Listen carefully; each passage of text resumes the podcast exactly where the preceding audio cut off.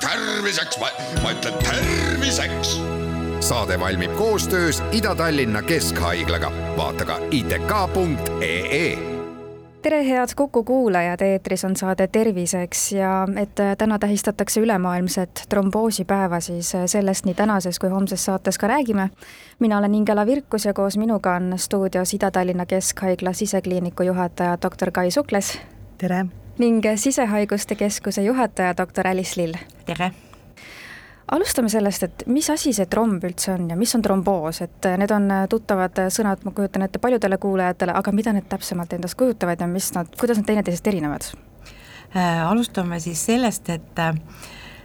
tromb tromboos üldse, täna me tegelikult keskendume oma siin selles jutuajamises põhiliselt venoossele tromboosile, aga et oleks selge, missugune on vahe siis arteriaalsel ja venoossel tromboosil, äh, tuleb aru saada, et inimesel on kahte tüüpi veresooni, on arterid ja on veenid. Ja kui me räägime nendest trombidest, mis siis tekivad arterites, siis need tekivad tavaliselt peale no ateroskleroosi korral veresoone sidekesta kahjustus, sinna kogunevad niisugused naastud,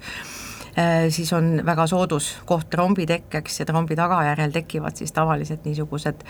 tõsised tüsistused nagu südamelihase infarkt või ajuinfarkt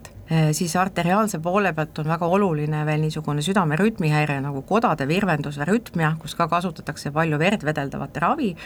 äh, seal siis on oht see, et südame vasakus kojas tekkivad äh, trombid liiguvad siis edasi suure vereringe kaudu ka teistesse organitesse ja, ja kahjuks kipuvad nad ka tavaliselt just aiu sattuma,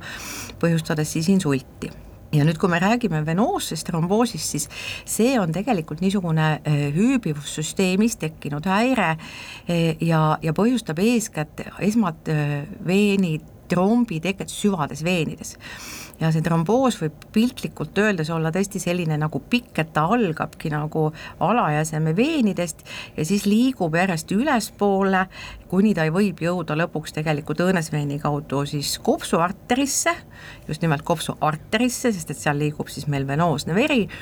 Ja, ja sealtkaudu edasi kopsudesse ja vot see on nüüd see väga eluohtlik või potentsiaalselt eluohtlik situatsioon kuidas siis seda ära tunda või mis on selle sümptomid, mis annavad märku sellest, et inimesel võib olla trombiteke? kui me räägime süvaveini tromboosist, siis klassikaline on niimoodi, et ühel hetkel suhteliselt äkitselt tekib ühe jala turse ja oluline on see, et see jalg on võrreldes teise jalaga lillakam, ta on soe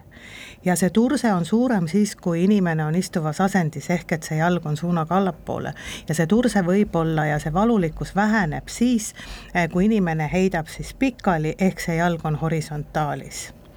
et ja kui me räägime juba siis, kui see tromb on jõudnud siis sellest jalaveenist kopsuarterisse ehk tegemist siis kopsuarteri trombembooliaga, eh, siis klassikaline niisugune äh, kolmainsus, mida ülikoolis õpetatakse, on see, et tekib äh, äkki tugev valu rindu, tekib veriröga ja õhupuudus, ütleme sellist klassikalist leidu näeme me harva, aga enamus patsiente pöördub siis selle peale, et neil on tekkinud äkki õhupuudus ja võib-olla ka valulikkust ja see valulikkus on oluline just ähm, diferentsida näiteks või eristada südamelihase infarktist ja selle kopsuarteri trombembooliaga kaasnev valulikkus on sügaval sisse ja välja hingamisel. Äh, veriröga on või veriköha on, on väga vähestel haigetel, nii et seda nagu niimoodi diagnostiliseks panna ei saa, aga jah, et oluline on inimesi just nimelt õpetada niimoodi, et nad teaksid, millised on haiguse sümptomid kui kiiresti see kõik võib toimuda, et äh, tromb jalast äh, kopsudesse näiteks äh, liigub? Eh, no ega me seda alati päris täpselt ei tea, sest et päris palju on ju haigeid, kes liiguvad ringi, nii et kui me nende käest küsime, siis me saame umbes aru, et võib-olla need kaebused on kestnud tal nädalapäevad, aga see võib olla ka üks hetk. ja, ja tegelikult hästi palju olenebki siis sellest trombi suurusest või ulatusest või sellest nii-öelda sellest ummistusest, mis ta tekitab, et me võime saada potentsiaalselt eluohtliku seisundi miks siis aga tromb tekib või kellel selle tekkeks suurem soodumus on? et, et kui siin Alice Lill juba ütles, et meil on tegemist tegelikult nii-öelda kahe erineva süsteemi tromboosiga ehk et arteritromboosiga ja veenitromboosiga, siis tegelikult tuleb ka aru saada, et riskitegurid on,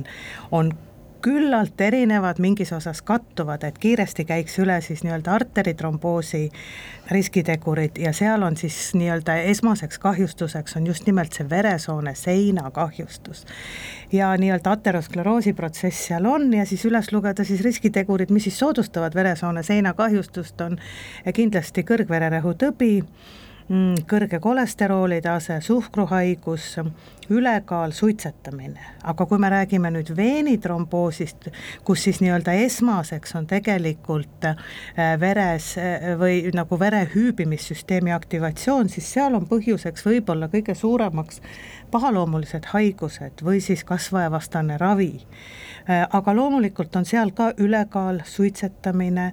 äh, siis kui me räägime nii-öelda naiste venoossest tromboosist, äh, siis rasedus ja, ja, ja vahetu sünnitusjärgne periood rääkides siis veel haigustest, mis on, potentseerivad või põhjustavad venoosset tromboosi, põletikulised haigused, näiteks ka tavaline kopsupõletik eakal inimesel, noh, vanus on ju ka riskiteguriks.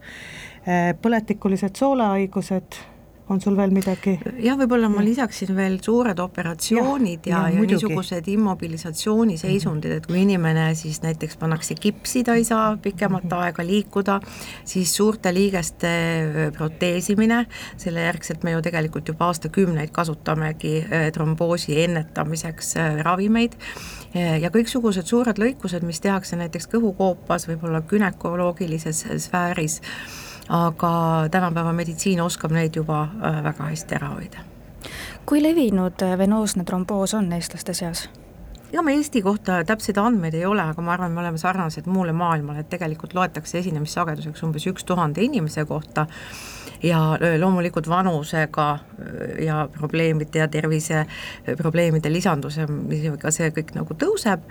ja, ja kui me räägime nagu rasedate tromboosist, siis me tegelikult võime öelda, et umbes vähemalt Ameerika statistika ütleb nii, et üks kuskil viiesaja kuni kahe tuhande raseduse kohta, et see ei ole ka väga suur probleem kui nüüd äh, inimene kahtlustab venoosset tromboosi, siis mida ta tegema peaks, et kas EMO-sse kohe pöörduma, kutsuma kiirabi või kannatab sellega perearsti nii oodata?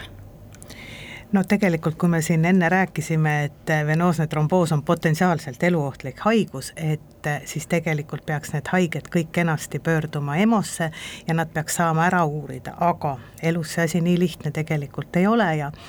ja haigel endal võib-olla on väga raske otsustada, et eh, kas tal on veenitromboos või ei ole, et mida me oleme näinud, on see, et inimene, kellel on kümme või kakskümmend aastat jalad olnud turselised, nüüd kui ta kuuleb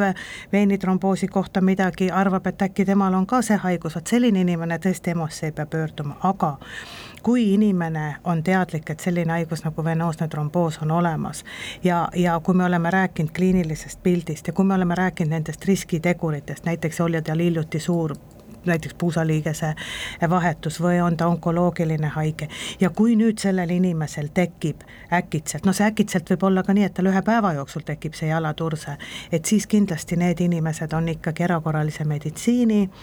patsiendid ja, ja ütleme, kui juba kohe ette öelda, et, et haigust saab siis diagnoosida tegelikult ultraheliuuringu alusel. Ja tegelikult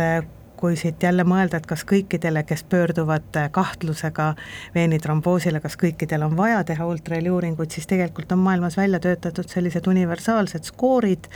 kus siis hinnatakse nii-öelda haiguse kliiniline tõenäosus ära ja kui siis sealt on vaja, siis tehakse ultraheliuuring, aga oleme ausad, enamusel ikkagi tehakse ja, ja siis kas siis haigus kinnitatakse või lülitatakse välja et äh, kuulajaid mitte ära hirmutada, siis iga jalaturse ei ole veel tingimata ju äh, venoosne tromboos. kindlasti mitte, kindlasti mitte. me jätkame oma vestlust juba homme kell neliteist nelikümmend viis.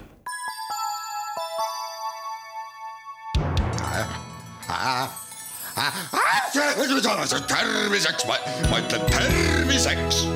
saade valmib koostöös Ida-Tallinna Keskhaiglaga, vaata ka itk.ee